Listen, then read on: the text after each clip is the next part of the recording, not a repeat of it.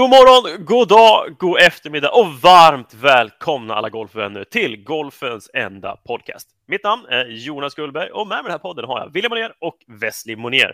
Den här veckan ska vi självklart bränna vidare på våra härliga teman nyheter, tränarspaning och eh, en ny lista givetvis. Men innan vi kommer in på de här olika delarna ska vi självklart gå igenom veckans fråga i frågelådan. Eh, men innan vi innan vi har något av de här segmenten i podden ska vi självklart kolla hur läget är med våra poddmedlemmar. Ville, hur står det till? Har haft en bra vecka och helg? Ja, men tack så mycket. Jag eh, har haft en eh, bra vecka och helg. Eh, har fått eh, spela lite höst-scramble, vilket alltid är roligt, eh, på Ingelsta tillsammans med min kära sambo i total storm. och, sen, och sen har det varit flyttlass här under veckan, så att ja, det, jag vet inte om det är lika roligt att, att flytta, men det är alltså själva flyttandet är inte roligt. Men sen att ha flyttat är ju kanske roligt. Det är mycket roligare förstås. Men hur gick Scramble då? Det är det vi vill veta. Alltså, överlevde ni utan att eh, bli osams?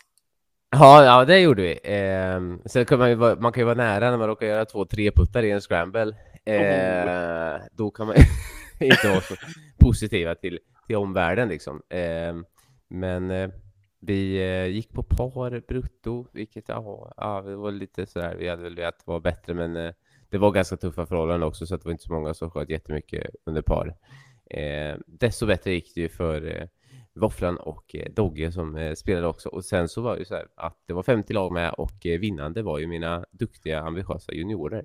Nej, det var så? Ja, ja Emilio och Emilio Berg och Mille Brudin, de vann eh, höstgrammen. Så det var skitkul. De gick eh, tre under brutto, eh, två 14-åringar. Det måste ändå en stor eloge. Liksom. Dels så måste jag säga, är det de här grabbarna som man ser på din Insta-rulle klockan 08.00 att de är tränar i skolan också? Jajamän. Ja, ah, men det är fantastiskt. Det här gillar Det här är, vi får väl kalla dem eh, golfhjältar, är det så? Ja, verkligen. Alltså, det är ju, ja, men framförallt att man, eh, jag tycker att det, att de vinner tävling, det är liksom i min värld skitsamma. Det är skitkul ja, ja. och man blir glad att man gör det, men att de gör det jobbet inför. Vi, vi stod ju ändå och tränade till klockan eh, ja, 6-7 på fredagskvällen där eh, tillsammans eh, och hade träningspass på två, tre timmar. Eh, och så nästa dag liksom ut och då jobbar vi ganska mycket teknik mot nästa år liksom. Och sen går de ut och bara skottar eh, 300 par brutto i en bästboll, två 14 Det är ju i total storm liksom. Eh, för att vara Norrköping. Exakt, det gör det ännu roligare. Jag tycker det är nästan roligast dock säga liksom att det, de gör ju det här som vi pratade om, att ganska mycket på den här veckan kring att eh, börja tävla. Nu har de precis kommit igång i sin jobbarkarriär, men att man spelar mycket tävlingar. Det spelar ingen roll vad det är, men att det är en tävling på klubben som du säger och komma ut ja. och få tävla tillsammans. Ja, både det och sen lägger de ner då en, eh, ja men för inte för att liksom eh, ta i överkant, så det är ungefär en 20-30 timmar i veckan som eh, de var lägger ner på, på sin golf och fys liksom. Ja, fantastiskt. Skitkul, att, skitkul att veta. Eh, mm. Våfflan, eh, lägger du ner 20-30 timmar på din fys just nu? Och golf för sig. Eh, nej. Men mer ska det bli. Har du haft en bra vecka annars? Hur mår det där jävla knät nu egentligen? Ja, men eh, det sitter fortfarande kvar på benet. Så ja, vad skönt. Eh, så det har inte ramlat bort än då. Men ehm, ja, det var ju två tuffa veckor där i, i rad med mycket spel. Eh, så det, det, får man ju känna efter lite nu. Så, så man får väl ta sitt lilla kast där. Ja, men det kanske inte med all rätt också. Det en lång säsong, lång sommar, men också när man har pressat sig igenom lite, lite trasigt knä de här sista kvalveckorna så är det kanske skönt att ta lite, lite lugnare i någon vecka innan man hoppar på tåget igen med och grinda inför kommande säsong. Ja, men precis. Det, det ska bli mycket träning i vinter med allt från fys till golf, så det ska bli kul. Härligt. Och hur, eh, ja, vi har någon eh, kommentar då. Hur kändes det? Det var ju sjukt bra spelat på, på Rye och jävligt nervöst alltså. Eh, så vi måste ju gratulera dig till eh, avancemanget där. Då får jag tacka. Nej men det var, det var ju eh, grymt jäkla svårt. Eh, måste man ändå säga. Eh, nog eh, det blåsigaste jag varit med om i, i min golfkarriär kan jag ju säga. Eh, när man ser vissa i startfältet står och slår drive på par tre hål och sånt som är bra lirare liksom och inte vanliga klubbgolfare utan slår långt så, men ändå ta en drive på par tre hål det, då vet man att det blåser. Eh, så det, ja, det är tufft kan man säga. Ja, vi ska väl eh, komma in i det där lite grann eh, senare i podden, de segmenten kring just det här med vindslag och liknande, så du ska få grotta ner dig ordentligt i det här i alla fall. Det låter väl bra? Jajamän. Själv Hur är då? läget med Jonas då? Ja, men tack! Lite ja, ja, tack! Alltid är jag pigg på att vi nästan inte frågar, men vi, vi Ja. har planerat frågor. Vi ska... Ja, det är jävligt svårt att komma till skott, men det är okej. Ja, men vad bra! Tack så jättemycket! Jag har haft en, eh, en jäkligt bra helg, en bra, riktigt, riktigt redig jobbhelg faktiskt. Dels inne på indoor, men också på Tegelberga som sagt. Vi, det blåste inte lika mycket den helgen, men det var fortfarande extremt mycket vind, för, även för att vara här nere. Och eh, Eh, var tappert att se. Jag hade en hög med nioåringar som skulle köra ett golfläger utomhus, så, men eh, de orkade hålla ut med bravur faktiskt och de tyckte nästan var roligt när vi fick skulle slå med lite andra typer av bollar än golfbollar och se den flyga iväg i vinden och springa och hämta den. Och, äh, så mycket energi och kul att se att man orkar vara ute ändå och vill spela golf, även fast det är så här bedrövlig, egentligen i bedrövliga golfförhållanden. Ja, ja verkligen. Det, det är fostrande. Ja, det kan man säga. Det var väldigt fint sagt. Speciellt om ni hade innebandybollar och det stormade 20 sekunder. Ja, vi kan säga så här. De eh, var ju väldigt kul att se att man kunde slå en boll 200 meter plötsligt när de började flyga och rulla och rulla och rulla och rulla. Ja, jäklar ja. Nej, men grabbar, vi, vi startar här nu så slipper vi lyssna på oss. Hoppar in i veckans frågelåda. Den här veckan så har vi givetvis fått en ny fråga från våra kära lyssnare. Och eh, den här gången så är det egentligen ingenting tekniskt eller någonting man har ja, men tänkt på när man varit på golfbanan, utan nu är det någonting man har bevakat när man varit på tvn och det är varför sopar proffsen igen sand, varför de kliver ur bunken och varför sopar de igen sanden med foten? Det är någonting som man har kollat på lite grann och funderat på. Eh, och Wille, har vi något eh, enkelt svar för det? Ja, de älskar att bygga sandslott faktiskt. Eh, så att eh, varje chans de får så känner de för att då vill de gärna göra ett tvåtorns eh, sandslott. Eh, var tvungen liksom. Ja, ja, nej, men eh, eh, enkla svaret är bara att eh, eh, underlätta lite för caddien. Eh, såklart så är det ju caddisarna eh, och ibland finns det även sådana som krattar bunkrarna med dem i bollarna men eh, framförallt bara, liksom, så, så putsar man till lite efter sig och så, så är det bara lite lättare för caddien att fylla i för att slipper de dra lite mindre rak, rakor liksom om man tar och putsar igen lite med sina djupa hälmärken och sådär ja men precis. Liksom som man, vissa borrar ner fötterna i sanden och beroende på vilken sandtyp det är som vi är inne på så blir det olika djupa hål och för att liksom, göra det lite snabbare, göra det lite enklare, vara lite schysst med caddien som vi är inne på så sopar man igen den med lilla foten lite snabbt och enkelt när man är klar med slaget innan man Ja. går vidare upp på green. Ser lite artigt ut och liksom bara tut, tut, tut, Ja, men- efter sen så. Eller hur? Man tänker på någon annan än sig själv bara och inte bara går upp på green direkt. exakt. exakt. ja, så är det tror jag. ja, men det är väl ganska enkelt tydligt. Jag tror inte det går att utveckla det så mycket mer än att säga att det, det är bäst att vara schysst och eh, vara, ja, men vara artig och trevlig mot dem runt omkring sig. Gör ni så att ni borstar till lite med fötterna innan ni... Jag gör det i alla fall. För jag gör så där och sen så går jag och krattar själv. Eh, för att hjälpa för mig själv lite. Så att... Eh, Ja, alltså det beror ju på. Jag har ju inte den här rutinen att man borrar ner fötterna någonting, så jag får inte liksom så jäkla djupa spår. Så jag brukar lösa det mesta med kratta, men skulle det liksom vara en mjuk sand där det automatiskt blir ganska djupt så tror jag att det sitter i liksom att man gör det lite lättare än med kratta, att man försöker jämna till ytan först med fot- fötterna när man väl står där. ja, exakt. Så går det lite snabbare i alla fall. Eh, Våfflan, hur känner- brukar du göra någonting? Han lämnar bara bunkern utan kratta. Ja, men du, exakt. du, du, du är ett Jag sånt bruk- svin. Jag brukar ju se till att någon i bollen får kratta åt mig. Nej men... eh, Jo men det gör man nog lite bara liksom dra en, två drag med foten. eh, Det tror jag att eh, det blir eh, de flesta gånger i alla fall. Ja, men vad, vad tacksamt i alla fall att även du har ett hjärta liksom för att hjälpa till. Ja, det beror ju på lite vem man spelar med också. Är det Jonas Gullberg så skit mig inte. Ja, då är det mest här, du står där innan, då kommer det komma en glidning. Jonas, löp inom två meter, krattar du? Ja exakt. Ligger vi båda i bunken då? Ja, men längst ifrån krattar. Ja, Exakt. det är klassisk. klassisk. Ja, men jättebra killar. Vi, eh, vi tar oss vidare. Vi hoppar in i veckans nyheter. Den här veckan har det spelats en jäkla massa golf på världens torer och eh, vi ska prata om allt ifrån Live Golfs eh, Tour Championship kan man säga till PGA-touren. Och, men för att göra det lite roligare ska vi börja på PGA-touren och självklart ska vi snacka om, eh, ja, det är väl en poddfavorit det här nu vid det här laget, Tom Kim som lyckades eh, vinna Shriner Children's Open i Las Vegas, Nevada i, när de spelade i USA på score minus 20. Där kom den, Wesley! Ja, som du har längtat. Du har sagt nej men Tom Kim, Tom Kim, Tom Kim, han är toppspelare i världen. Men nu fick han äntligen ta sin, ja, välförtjänta kan man säga vinst då. exakt. Min härliga Tom Kim. Han kommer nu. ja. Ja, ville bevaka tävlingen någonting? Eller har du bara sett sammandraget?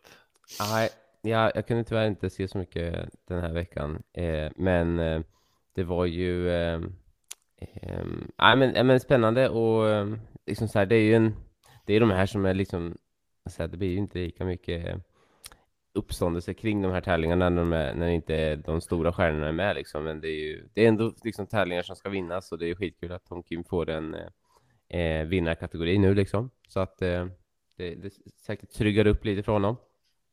Helt klart, alltså det här ger- skapar ju möjligheter för, vad ska jag säga, B-eliten, de, de stjärnorna, liksom att faktiskt få till vinnarkategorier och få bra möjligheter i majors, ta sig topp 50 i OVG-ranking och så vidare och så vidare.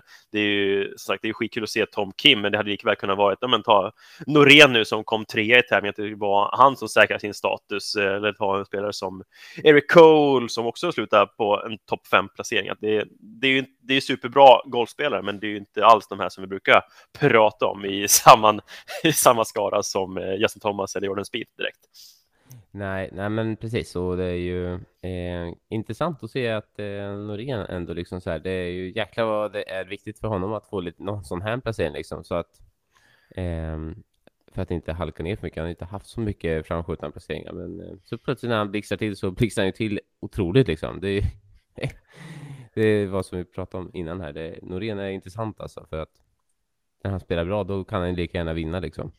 Ja, men det är lite grann som Lingmet. Han, han, Lingmet och Norén är lite, lite samma spelare just nu, känns som att de, de går runt och strugglar ganska stor del av året egentligen. Man kommer, ja men, låga 40, eh, missar katter och sen helt plötsligt när de väl hittar sitt game de här en, två veckor så, så sitter den topp femman. Eh, vi hade ju Norén liksom under slutspelet på Deep World Tour förra säsongen till exempel, när han kom, eh, ja, var det femma, fyra eller tre eller något sånt där. Och det är väl lite samma känsla jag får nu, när han börjar liksom hitta någon form av höstform här innan han kommer in på slutspel på DP igen. Ja, ja precis. Ehm, och ehm, vi, vi ska väl eh, nämna också lite eh, annat kul. Även en poddfavorit får vi väl definitivt säga nu är ju vår kära Åberg. Alltså skottar in då 62 i finalrundan för att toppa, eh, plocka sig upp en 29 placeringar. Eh, det är helt otroligt vilket eh, golfmirakel det är alltså. Eh, även om man tror att han inte är het på det en vecka liksom och kommer komma med en liten så här, ja, liten average placering och så, så bara poff 62 liksom och är bästa score eh, mer eller mindre. För Eric Colcott är också 62 men annars är det inte många eh, så låga 60s. Nej, alltså han har ju verkligen visat framfötterna när han väl fått möjligheten nu. Jäklar vad bra han spelar, Ludvig Åberg. Att att det här med att ha en hangover efter, det kan vi verkligen konstatera att det har ju inte skett alls. Han har ju verkligen bara tuffa på i sitt vanliga tempo. Jag tänker nu, liksom, han har ju nästan tio veckor i rad spelade om man bortser från eh, Ja, men, eller det kan ju inkludera Ryder Cup, det blir ju en ännu tuffare vecka för sig. Men sen när han kom över till den här äh, Europaswingen egentligen så har han ju bara matat tävlingar och han har matat bra prestationer. Ja, verkligen. Alltså det, det är extremt imponerande. Eh, sen så ska vi även, tycker jag, eh, nämna innan vi hoppar över till, till nästa här, eh, så ska vi nämna att eh, tyvärr så vis, missade ju eh, Vincent Norman eh, eh, precis eh, katten då med typ två slag, eh, tre slag, förlåt. Eh, och eh, sen så hade vi även våran poddkompis Tim Widing Jajamän. eh, som fick start här, eh, men sköt också på par och eh, missade katten.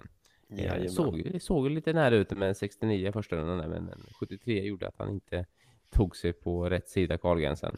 Nej, min fantasy var ju väldigt glad där. Liksom, vid invidningen fick jag minus två i alla fall första, första 18. Då såg det ut som jag hade en ganska trevlig vecka framför mig. Men sen så, sen så uh, försvann väl all min möjlighet till bra prestation i fantasy när jag tänkte så här i veckan att nu ska jag faktiskt ta lite bekännelser för att spara Lud, de här fina namnen med Ludvig Åberg och Cameron Smith till lite senare i svängen här. Men eh, då då gick jag under och för jag hade väl två personer som klarade katten till slut av alla mina sex. Aj, aj, aj, det är bra. Ja, jag hade ju Eric Cole och Cam Davis och Ludover så att jag plockade ju 3, 7, 13 där så att det var ju ganska bra. Ja, du hade ju bra. Eh, dock så fick jag se mig besegra. Vi alla fick se oss besegrade av min sambo som vann veckans fantasy. Sen ska vi ge ett shout-out till här faktiskt. Hon, hon lyckades få in dels vinnaren på Tom Kim, hon lyckades, lyckades få in Eric Cole och lyckades få in, eh, ja, vilka var mer var det? Ja, skitsamma, men det var tre stycken topp 10 i alla fall, liksom, så det är överlägsen segrare. Jag kommer in som en liten fantasy-expert här så småningom i podden. Ja, men det finns ju risk för det nu, liksom, och det, det, det kan ju säga så att jag fick ju höra det nu direkt när hon vaknade här i morse, liksom. Jonas, eh, har du kollat fantasyn? med, med det sagt, för att inte salta såren mer i Jonas, så ska vi även eh, ta en liten genomkörare på de andra torna. Och så ska vi landa i lite nyheter kring livgolf. Yes. Eh, och eh, det har ju spelats eh, Open Espana eh, och eh, på DP World Tour då. Där Matteo Pavon vinner på minus 23. Och sen så har vi Sander Lombard på minus 19 och Nathan Kimsey på minus 18. Eh, det var topp tre på DP World Tour. Ja, där måste jag nog säga liksom att vi hade Marcel Sim som fortsätter att stånga i lite så här med bra placeringar. Jag tror han har hittat någon form av, eh, av lugn sedan hans vinst här i eh, under vintern, förra vintern när han eh, vann borta i Indien. Eh, för nu har han verkligen liksom, ja, men hittat lite ranking, hittat lite spel så han faktiskt kan leverera lite återkommande topp fem då och då. Ja, precis. Den gamla eh, räven. Exakt, ja men eh, eh, jag, jag, såg det, men eh, jag valde att inte ta med honom, men eh, det gjorde vi ändå. Och sen ska vi även nämna lite hur det gått för våra svenskar. Sebbe, Sebbe Söderberg minus 8, 41, eh, Micke Lindberg 73, eh, plus 1 och sen hade vi missat katt på Kinhult och Forsström.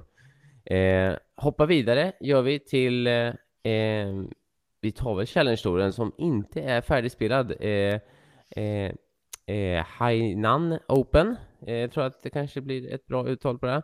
Eh, I Kina spelar man och eh, det är ju lite spännande just nu för att eh, eh, när vi spelar in här på måndagmorgonen så är det inte helt avgjort och tyvärr får vi ja. säga att det har blivit en... precis, precis nu.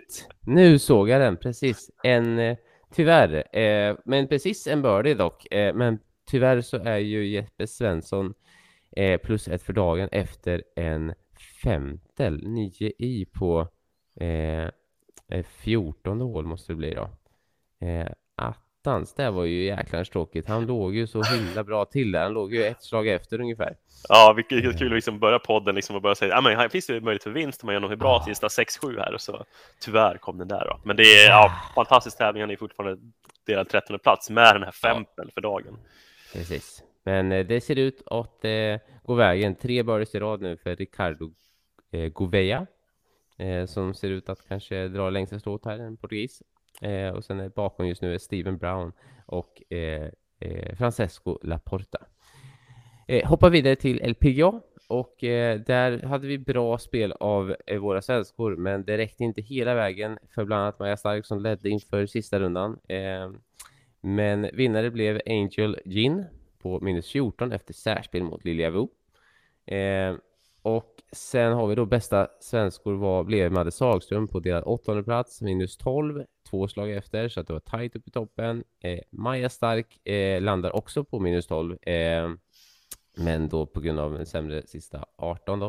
Eh, ser de sig bakom Sagström i en delad åttondeplatsen där. Och sen delad trettonde plats, ett slag efter där har vi Frida Kinnhult och eh, ja. hoppar vidare Vänta, bara, en liten snabb ja, på LPGA. Att det var, sagt, det var otroligt jämnt där. Det var två slag mellan eh, första platsen och till 15 placering. Så det var många som är i hetluften och det hade ju liksom räckt med något enstaka slag för att kunna helt plötsligt få in en vinst istället för en 15 plats. Så det var mycket, mycket närmare än vad placeringen sa. De blev lite rånade på konfettin där kan man säga.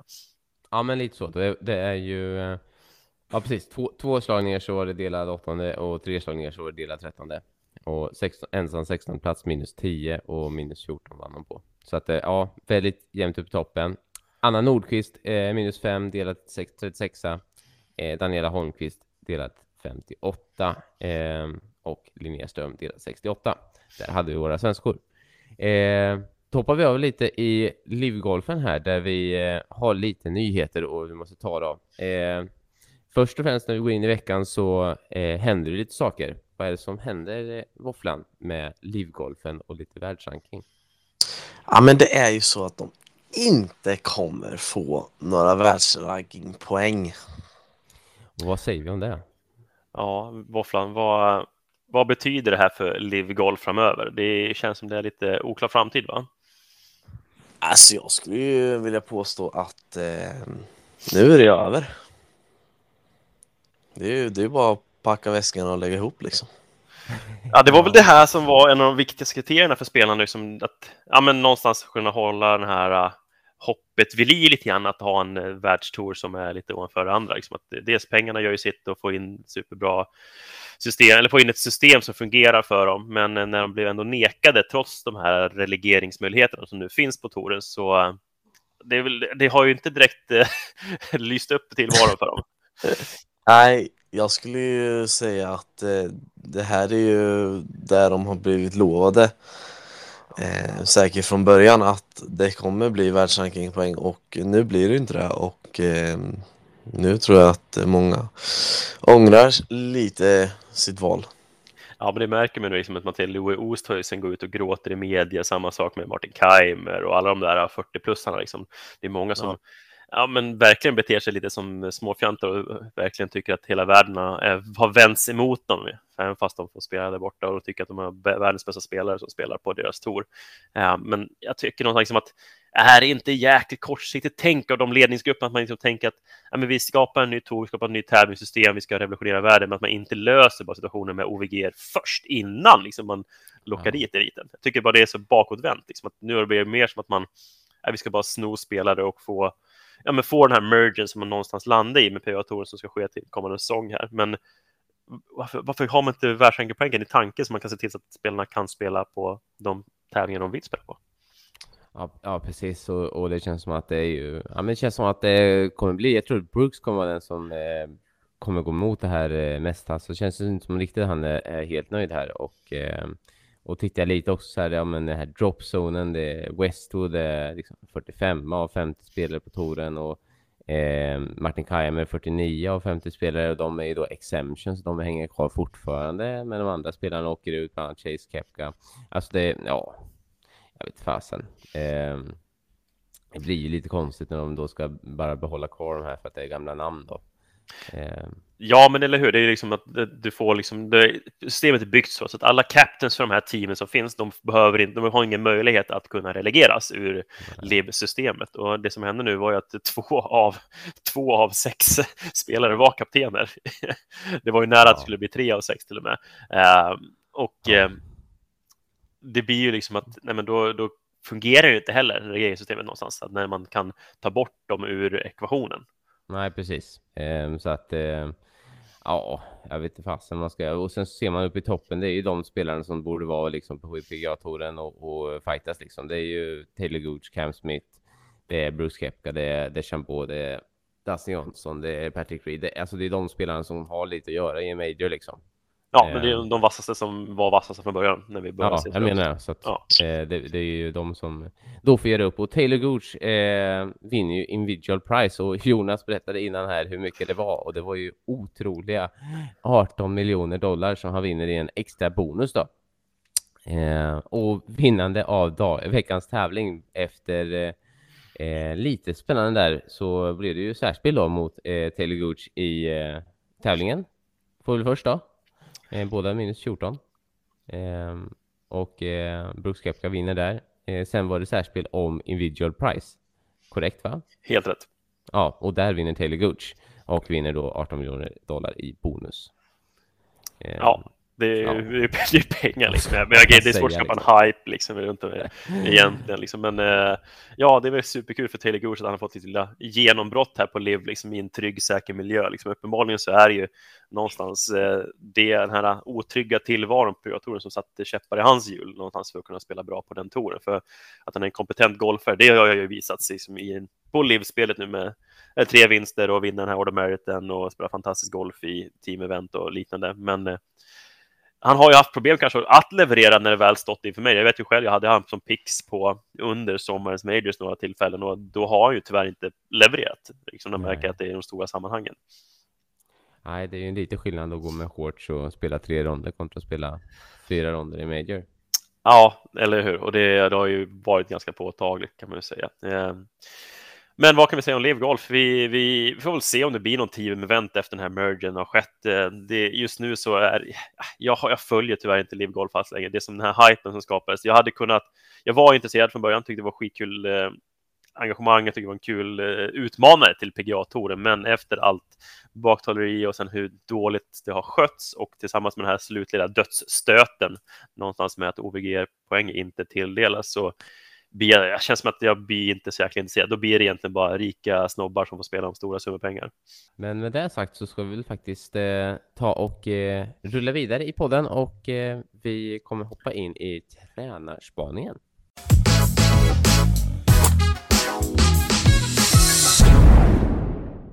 Då ska vi hoppa in i våran tränarspaning och eh, den här veckan så har vi faktiskt lite eh, spännande grejer att prata om med tanke på att det är lite höst och är kallt ute, men det är inte bara kallt utan, ute när det är höst, utan det brukar ju även vara lite blåsigt. Så jag tänker vi har en lite special den här veckan och prata lite om hur hanterar vi eh, höstdagarna med eh, vissa dagar då extremt starkt blås. Vi har ju en eh, kvalspecialist här eh, när våfflan togs in eh, i topp 31 på eh, finalsteget som gör att du säkrar egentligen en bra kategori till nästa års målgolfsäsong eh, och Jonas som bor i blåsten. Eh, och jag som har en karriär av att ha skopat upp i blåsten och haft det jobbigt i som junior. Man fick några käftsmällar på Visby när man var där och inte kunde slå bollen lågt och det var storm på Visby.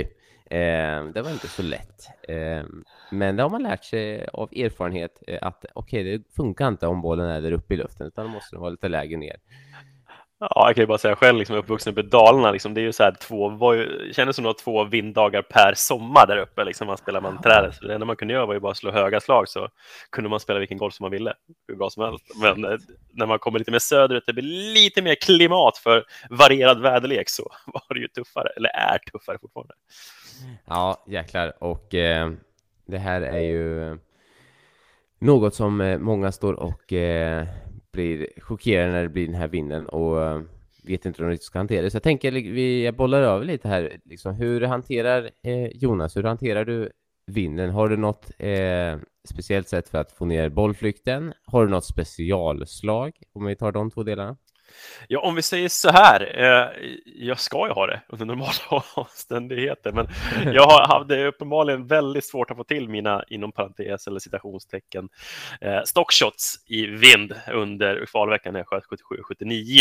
Eh, jag, jag brukar lägga fram bollen med järnklubbor, lägger fram bollen lite grann, men jobbar väldigt mycket med skaftlut för min egen del och en flack svingrörelse kan man säga. Det är att jag kommer inte lika hög attackvinkel utan mer ja, håller ska säga, vinkeln på mitt skaft lite mer genom eh, bollträffen och där och kunna slå lite mer låga och lite lägre spinn på bollen egentligen. Eh, det.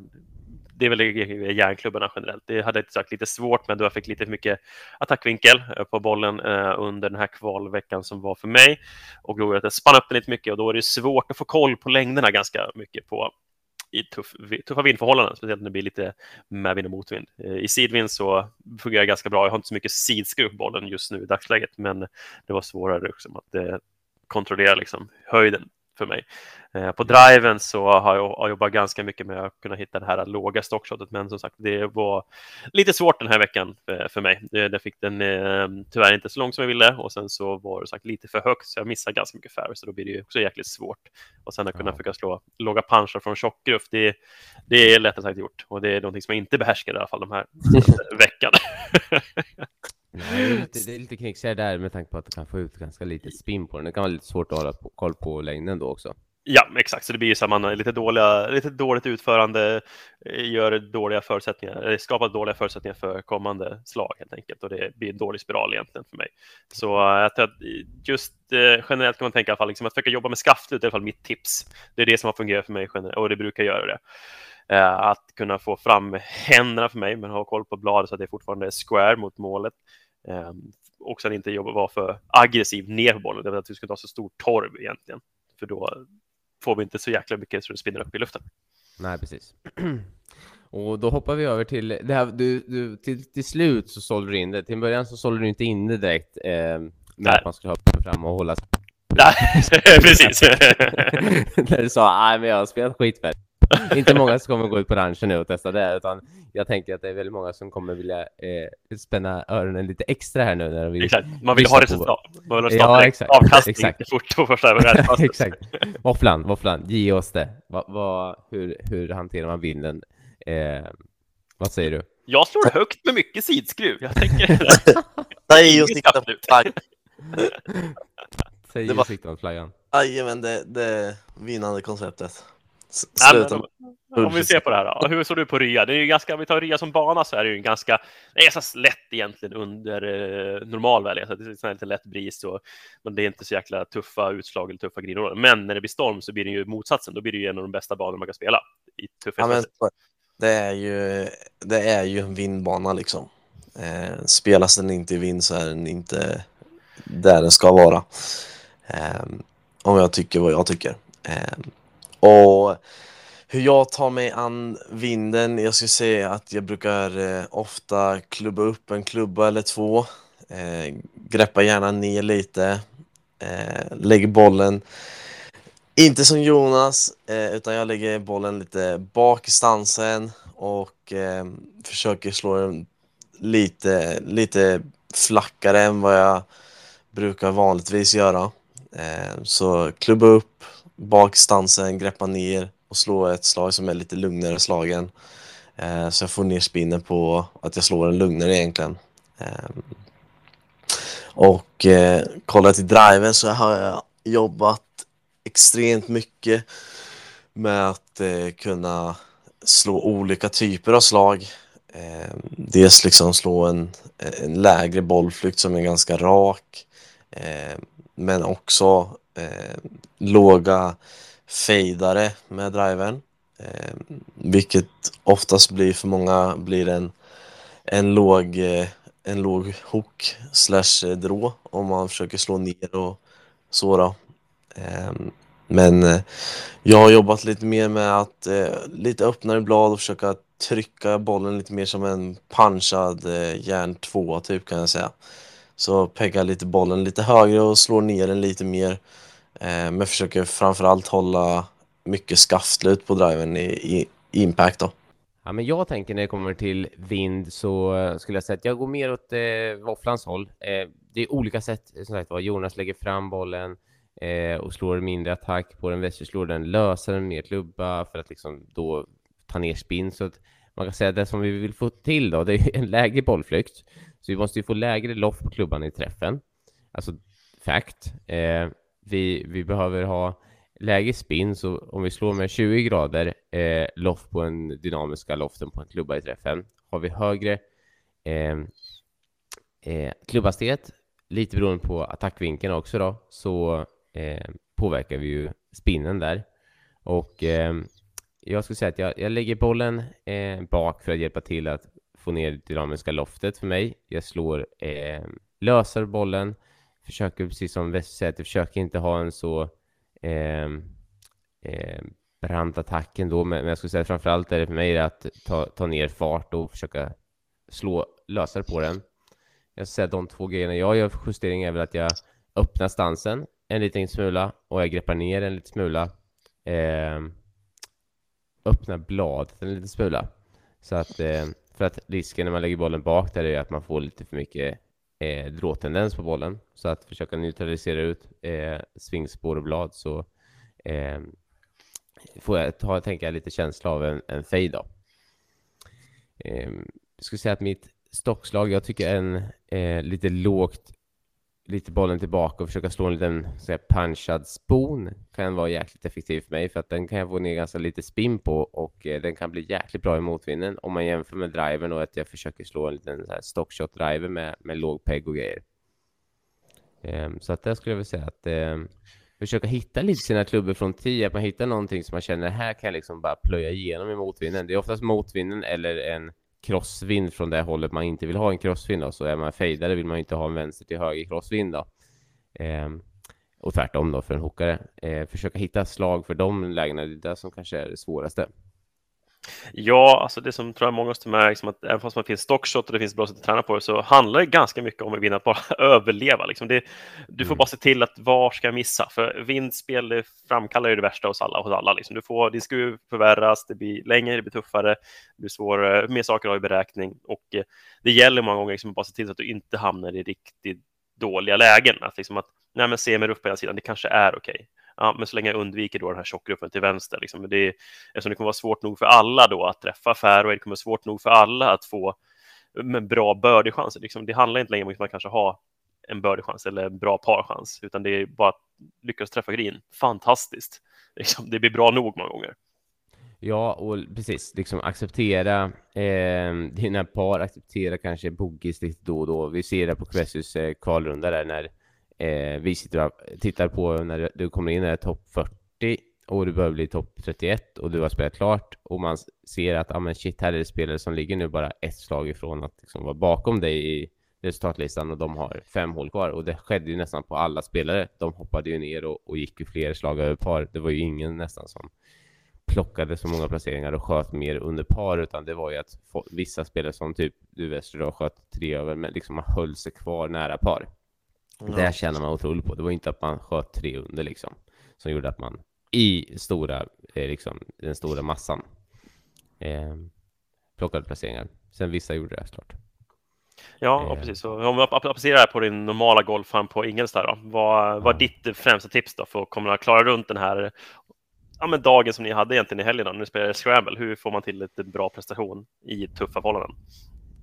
Ja, men det är väl att dels som sagt vad måste man ju när det väl är det de dagarna man, man kan ta sig ut och träna på det så att man blir lite mer erfaren. För det handlar ju mycket om erfarenhet, vara van med att det skakar liksom i, i putten och det är svårt att liksom stå bara när du ska slå en putt liksom när bollen står och wobblar, hålla fokus och kunna rulla bollen eh, på grinerna.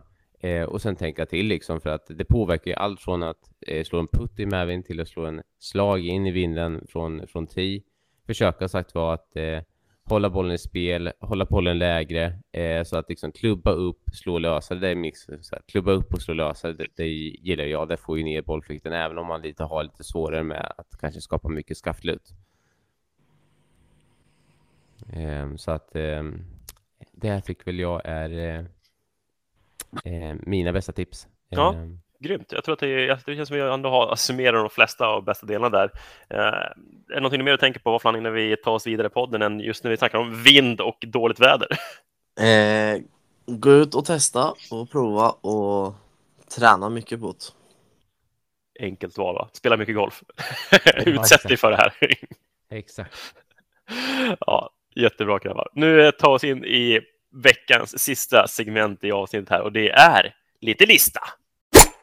Listan är tillbaka. Ja, vilken lista? Det kan ni fråga alla. Men den här veckan har vi kallat den ja, rutinlistan. Det är lite tema kring eh, ja, pre-shot rörelse eller saker man har för sig innan man ska ut och spela eller slå ett slag. Och vi har försökt att ja, men så gott vi kan i alla fall sammanfatta liksom de bästa vi kommer på här och lite roliga anekdoter från eh, profiler som vi har spelat med. Eh, jag tror att vi alla har väl ganska många på lager, så vi har försökt ja, begränsa oss en del här. Eller vad säger ni? Ja, men precis. Nej, men jag tror att det, det, här är, ja, det finns ju så sjukt mycket lustiga grejer som vi har eh, liksom under ett helt, eh, eh, golfliv stött på. Så att vi, vi kan dela av så mycket sjuka grejer i dagens podd. Ja, jag kan väl kickstarta det här och eh, vi går in på ja, konstig rutin nummer ett. Ludvig Åbergs nervös spot. Det här är någonting som kanske många olika atleter i världen över har haft för sig. Vi har haft Stefan Holm, han rörde ju sin lilla halsband och axelvaddar på sin lilla väst när han skulle hoppa. Men Ludvig Åberg, han har en lite nervös tick som att han är ute och loskar lite grann på runt omkring sådana här små skvätt när han blir riktigt nervös. Det märks lite grann under Schweiz när han vann. Kanske fullt förståeligt också till hans försvar att på sista hålet börja loska lite grann. Men eh, det är ju lite sådär som när man är i situationer så kommer saker man inte tänker på. När man är så ingjuten i det man gör så sker saker som man kanske inte har riktigt kontroll över tror jag. Nej, precis. Och det, det tror jag att det, det, det hänger absolut ihop med personer som är kommande på den här listan också.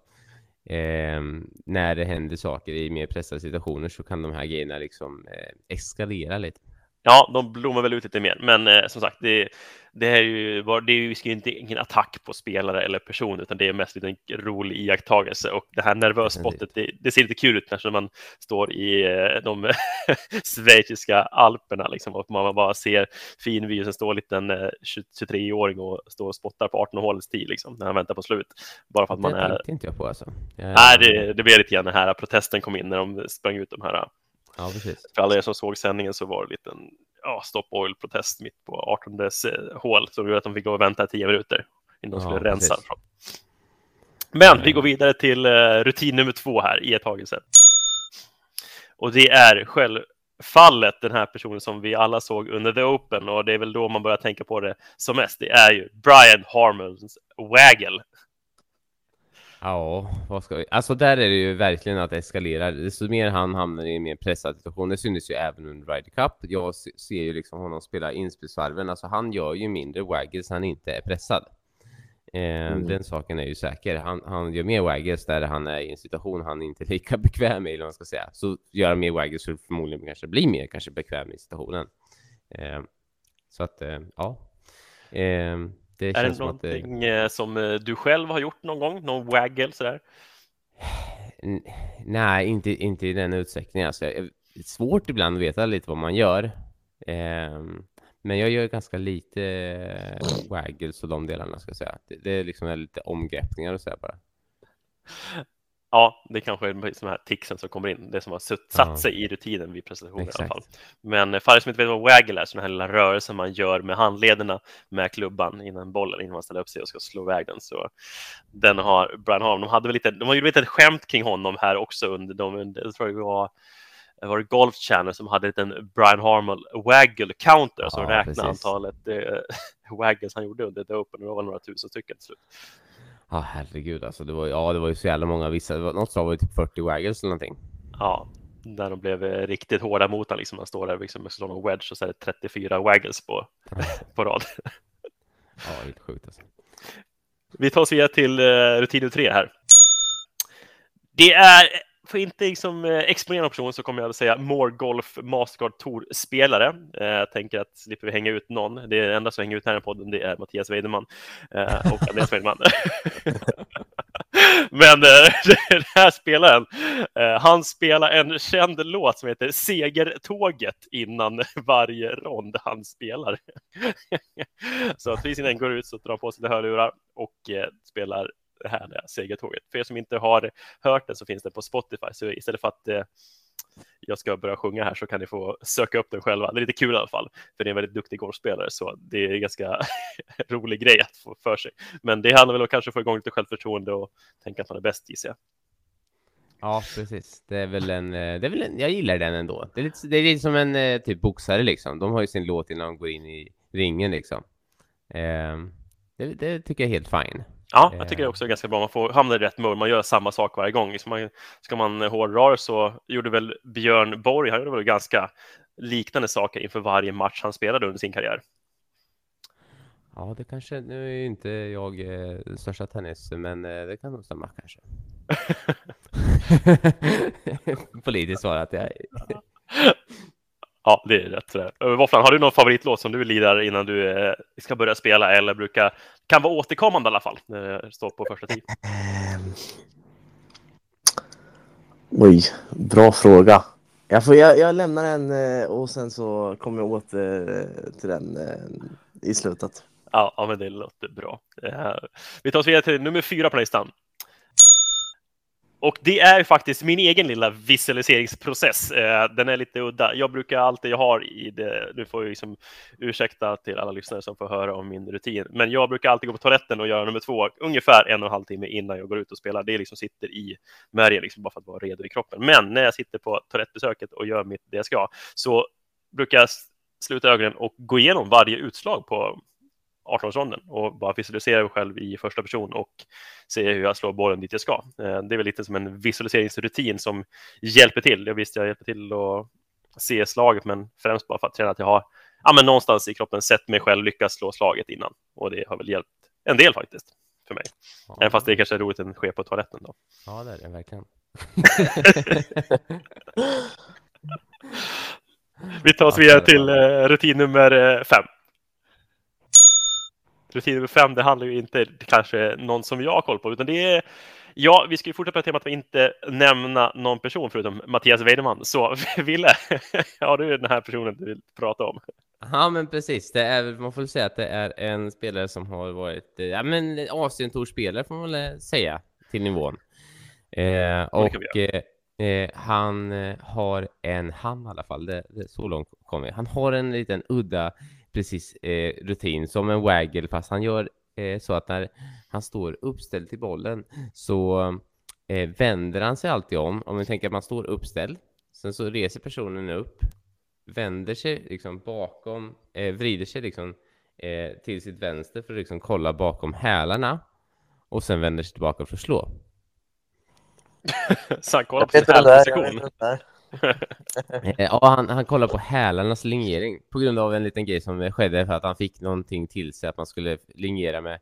Alltså det finns ju en grej att om man vrider fötterna så här så, så blir det mer liksom korrekt i hur man står uppställd med fötterna. Så att hans tränare förr i tiden pratade liksom om lingeringen med hälarna. Ja. Eh, och då fick han till sig, då, då har han liksom fastnat på något sätt där och fått till sig det i sin rutin att han måste checka hälarna innan han slår. Så tänker det liksom att man står uppställd och så bara, nej vänta, vad vrider han bak? så bara, ja, det är bra där bak på hälarna. nu kör, nu kör.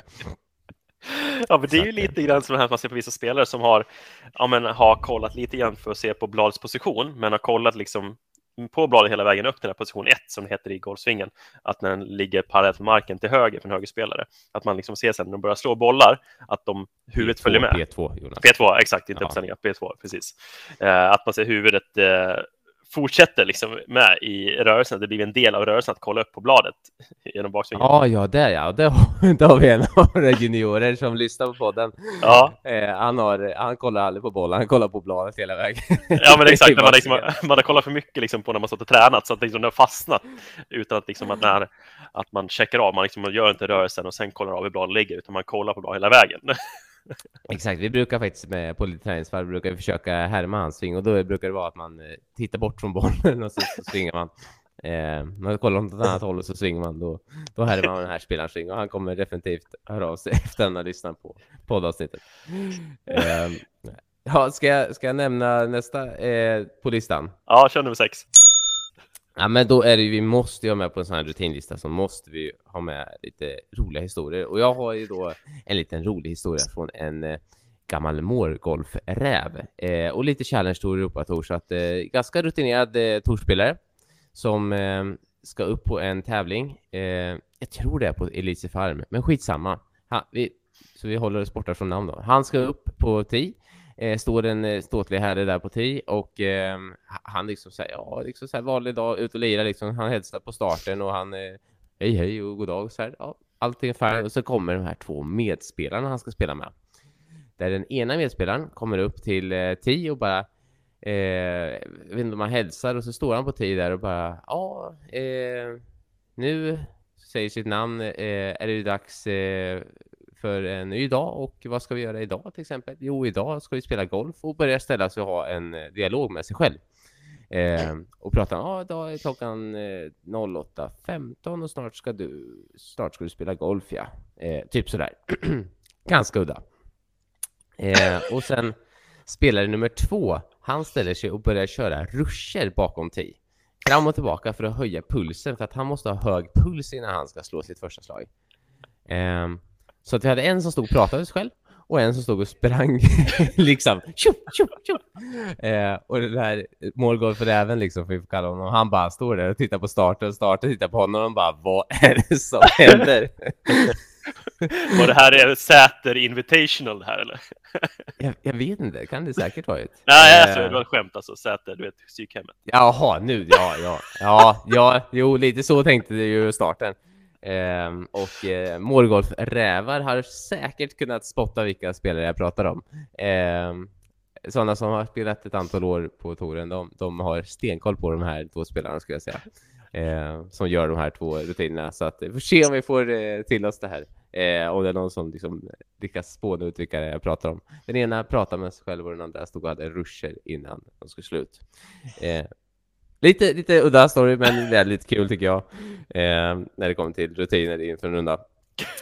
Och... Eh, Ja, det är häftigt i alla fall. Jag vet inte själv hur jag reagerat egentligen när man stått i den här situationen och ser partnern börja så minisprinta liksom som jag tennisspelare liksom så här som jag gör innan man kommer igång i matchen. Men eh, vi tar oss vidare på listan i alla fall till nummer sju och det är ju ytterligare en känd golfspelare. Den här, nu eftersom de är PGA-tourspelare så kan man ju nämna dem och det blir lite mindre igenkänning. Men det är Keegan Bradley och istället för Waggle så snurrar vi klubban innan vi ska spela. Ja, jädrar vad han är bra på att snurra klubban alltså. Det bara spinner. Det är nästan så det brinner i händerna på honom. Ja, alltså jag är lite imponerad liksom, att han inte får någon kramp. Jag tänker liksom, det blir ändå några klubbsnurrar på en dag. Ah, shit alltså. Skapliga underarmar på den grabben alltså. Ja, på höger i alla fall. Ja, exakt.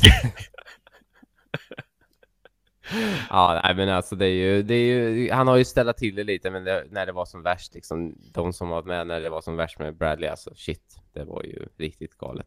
Ja, men det är kanske är därför också han har börjat spela bra, att han har fått bort tics som stör. Att liksom det är nu han liksom verkligen fått in en, ja, men en eh, jämn nivå, på hög, jämn hög nivå på toppspel egentligen. Att liksom han Ja, faktiskt, eh, det är inte sådana här små saker som kan, ja, men påverka resultatet eh, är kvar i rutin på något sätt. precis. Nej, exakt. Ta oss vidare, Wille, till nummer åtta. Eh, ja, då har vi ju eh, lite sådär. Jag tycker att eh, jag såg med en trend att eh, när Matt Wolf spelade som bäst, det var ju sjukt mycket. Dels George Gankas på Youtube och alla skulle wet wet och det var massa sådana sjuka grejer på. Eh, man skulle vara eh, deep och det var ja. Det var en del av Gucci-gänget. Ja, exakt. Men det var ju också många som skulle börja pusha innan de skulle slå till bollen, att de skulle göra den här studsen med liksom knät och knä in och så här och sen tillbaka och så skulle de försöka efterlikna Matt Wolfsingen. Jag tyckte det blev nästan som någon form av rutin det. Man, man, man såg fler studsa omkring på mattorna än man gjort tidigare och sen har det liksom dött av igen. Ja, det var en liten kort trend där kan man ju säga egentligen när eh, Wolfen Wolf var som att man skulle liksom verkligen, ja, men, som du säger, man skulle så här studsa och man skulle försöka rotera så mycket man kunde i underkroppen liksom och komma runt och ja, ta i med marken och få i mycket kraft i den här jäkla bollen någonstans. Så eh, det blev väl lite trend kan man säga. Jag var ju tyvärr en av de som var i Gucci-gänget, men jag gjorde kanske inte de här Wolf-grejerna, men Gucci-gang taggade jag varje händelse jag hade ett tag där. Han var helt alltså, men eh, jag vet inte. Eh, vi får väl eh, låta Jonas eh, få vara kvar i Gucci Gang där och eh, jag ska väl ta med. Jag har också lite så här rutin att eh, också. Jag har ju skrivit ner här att jag hade en liten rutin. Eh, jag tycker det är jäkligt nice att typ så här, ja men bara ta vattenflaskan eller någon kran någonting och så bara blöta händerna och sen ta i handduken och så här. Man liksom har, jag gillar ju liksom skön känsla med greppet. Och typ eh, värsta jag vet är ju typ om man har tagit, som jag ser en del gör, typ så här ta solskyddsfaktor på typ armarna. Eh, och sen ta i sin klubba. Jag bara, det känns ju som att man ska typ tappa klubban om man har solskyddsfaktor på armarna. Eh, måste tvätta händerna om jag har typ tagit på mig solskyddskräm. Det är en liten rutin jag har. Så liksom blöta ner händerna, tvätta händerna och sen så man, då har man bra grepp. Ja, det är fantastiskt. Uh, Våfflan, ta in på nummer 10 här nu då. Vad har du Ja, ja, men- på lager? Som Ja, du ja. har iakttagit? Ja, ja. Nej, men alltså. Vi, vi, vi kan inte ha det här om vi inte har med Patrick Cantley alltså. Kom igen. Torens långsammaste spelare. Ja. Ja, Ja. jag såg en, eh, en, en video där Cantley får ett litet, inte något så här jättetrixigt läge, men lite, lite så här jobbigare läge. Ehm, och eh, från att klockan går igång så tar det två och en halv minut eh, tills han slår bollen. Så han står ovanför bollen liksom vid det här liksom att redo uppställ och sen två och en halv minut. Ja, men liksom redo för att slå bollen, sen går det bort, kolla igen läget, kolla igen, går till fram, slår några provsvingar, går bakom. Han bara står och ja, ingen vet vad han gör egentligen. Eh, men ja, tiden bara springer iväg för honom. Eh, och det, det är absolut lite sån eh, vibe man kunde se på han på Ryder Cup också. Eh, när eh, han fick lite folk som skrek åt han att han skulle ta det lite långsammare för att han var för snabb och grejer. Men det var ju ren bullshit kan man säga. Och det, det såg man också att va, varje, varje boll som Cantley var med i var ju alltid ett, ett och ett halvt hål efter bollen innan. Ehm, och det var ju mer än nog för att Cantley var i den bollen. Jag kan tänka mig den här Cantley och Sander Schauffele spelat tillsammans. Eh, Det tar lite tid att komma Ja. runt banan. Shit vad det kan ta tid. Ja men vi hoppar vidare då. Då, Ja. då har jag ju den här då. Vi har slicka på fingrar och handflatan. Ja, den där förstod jag inte när vi gick igenom lite grann innan här. Du får du berätta var den här iakttagelsen kommer ifrån. Är det en rond på Ingelstad som du har sett den? Nej, det här det är ett eh, seriespel jag sett den på. Vidare. Exakt, men eh, det var en, en person som eh, han tyckte det var lite nice att dra en liten eh, slickeri-slick på finger, fingrarna och i handflatan och ja, men slicka runt lite på handen kan man väl säga. Alltså, äckligt alltså. Eh, och jag känner väl lite så här, ja, kanske inte riktigt eh, det najsigaste jag har sett. Eh, speciellt inte när man är ute på en golfbana och eh, likaså de som slickar på bollen liksom. Förstår om du kanske, ja, gör en liten spott i handduken och torkar bollen eller något sånt. Men alltså de som slickar på bollen, alltså när när banarbetena har varit ute och liksom kört gödsel eller liksom kobajs på banan så står det någon och slickar bollen och nej men uh, fy. Alltså, nej. Ja, Det- det är ett det- det- härligt kanske va? Att Nej. liksom bara ta ett litet snabbt slick liksom. Jag tänker bara generellt det är inte så jäkla bra för Nej. personen i fråga heller långsiktigt. Att det, man vet inte vad som är i marken, liksom, allt ifrån gödningsmedel till liksom att man har gjort någon besprutning på golfbanan till eh, ja, gud vet vad. Liksom. Det, Ja. Nej, det håller inte riktigt känner jag. Ha tungan rätt i munnen istället. lite och så. fint till! det är fint till. Ja, vi tar oss vidare, Ville. Ja, men eh, jag tror att det är eh, vår avslutande del här så är det väl eh, eh, Zac Johnson som Wesley. eh, Ja men jag, jag, har ju, jag har ju handsken också. Mhm. Eh, och det har jag sett av flera spelare där, där man har skrivit upp liksom Skrivit el- rader med ord eller meningar på handsken och står och liksom läser den tyst för sig själv innan, innan man slår slaget. Det, det är också en, eh, en grej som jag tyckte lite, lite halvkonstigt liksom. Ehm, men, men eh, ja, funkar det för den så funkar det för den. Ehm, kan man säga. Men sista! Sist men inte minst. USAs kapten i Ryder Cup 2023. Zac Johnson och hans förbannade provsvingar. när han träffar bollar. Alltså lägg ner och slå dina provsvingar och träffa bollar hela tiden. Ja, för att ge det kontext här. Zach Johnson, han har en full, eh, fullhastighetsprovsving så nära sin golfboll han kan på tee. Eh, Och Ja. det som händer ibland att vi vissa tillfällen så råkar ju träffa bollen. Men eh, det som är enligt regelboken är ju att så länge du inte haft eh, ambitionen att slå ditt utslag så så gills inte slaget. Så då har jag liksom, det kan ju se konstigt ut i tv, liksom att han slår en provsving och träffar bollen och så lägger han tillbaka den på peggen. Men eh, det som händer är ju då att han liksom oavsiktligen träffar bollen när han gör sån här fullhastighetsprovsving. Men... Ja, men, och det är inte att han gör fullprovsvingar hela tiden, utan han kan ju bara svinga klubban när han går bak och ska kolla linen liksom. Och då råkar träffa bollen. Han, ja. han, ja, jag tycker sök på Youtube och ni kommer sitta och garva i en halvtimme liksom. Ja, det mest kända är ju liksom på Augusta tror jag. Liksom man ska, ja. man ska göra en snabb enkel provsving och sen gå bak och kolla linen och så lyckas han träffa tån på klubban. Så bara, tjoink, träffa ja. tikulan och så försvinner bollen. Ja. Nej, det är så jävla galet alltså.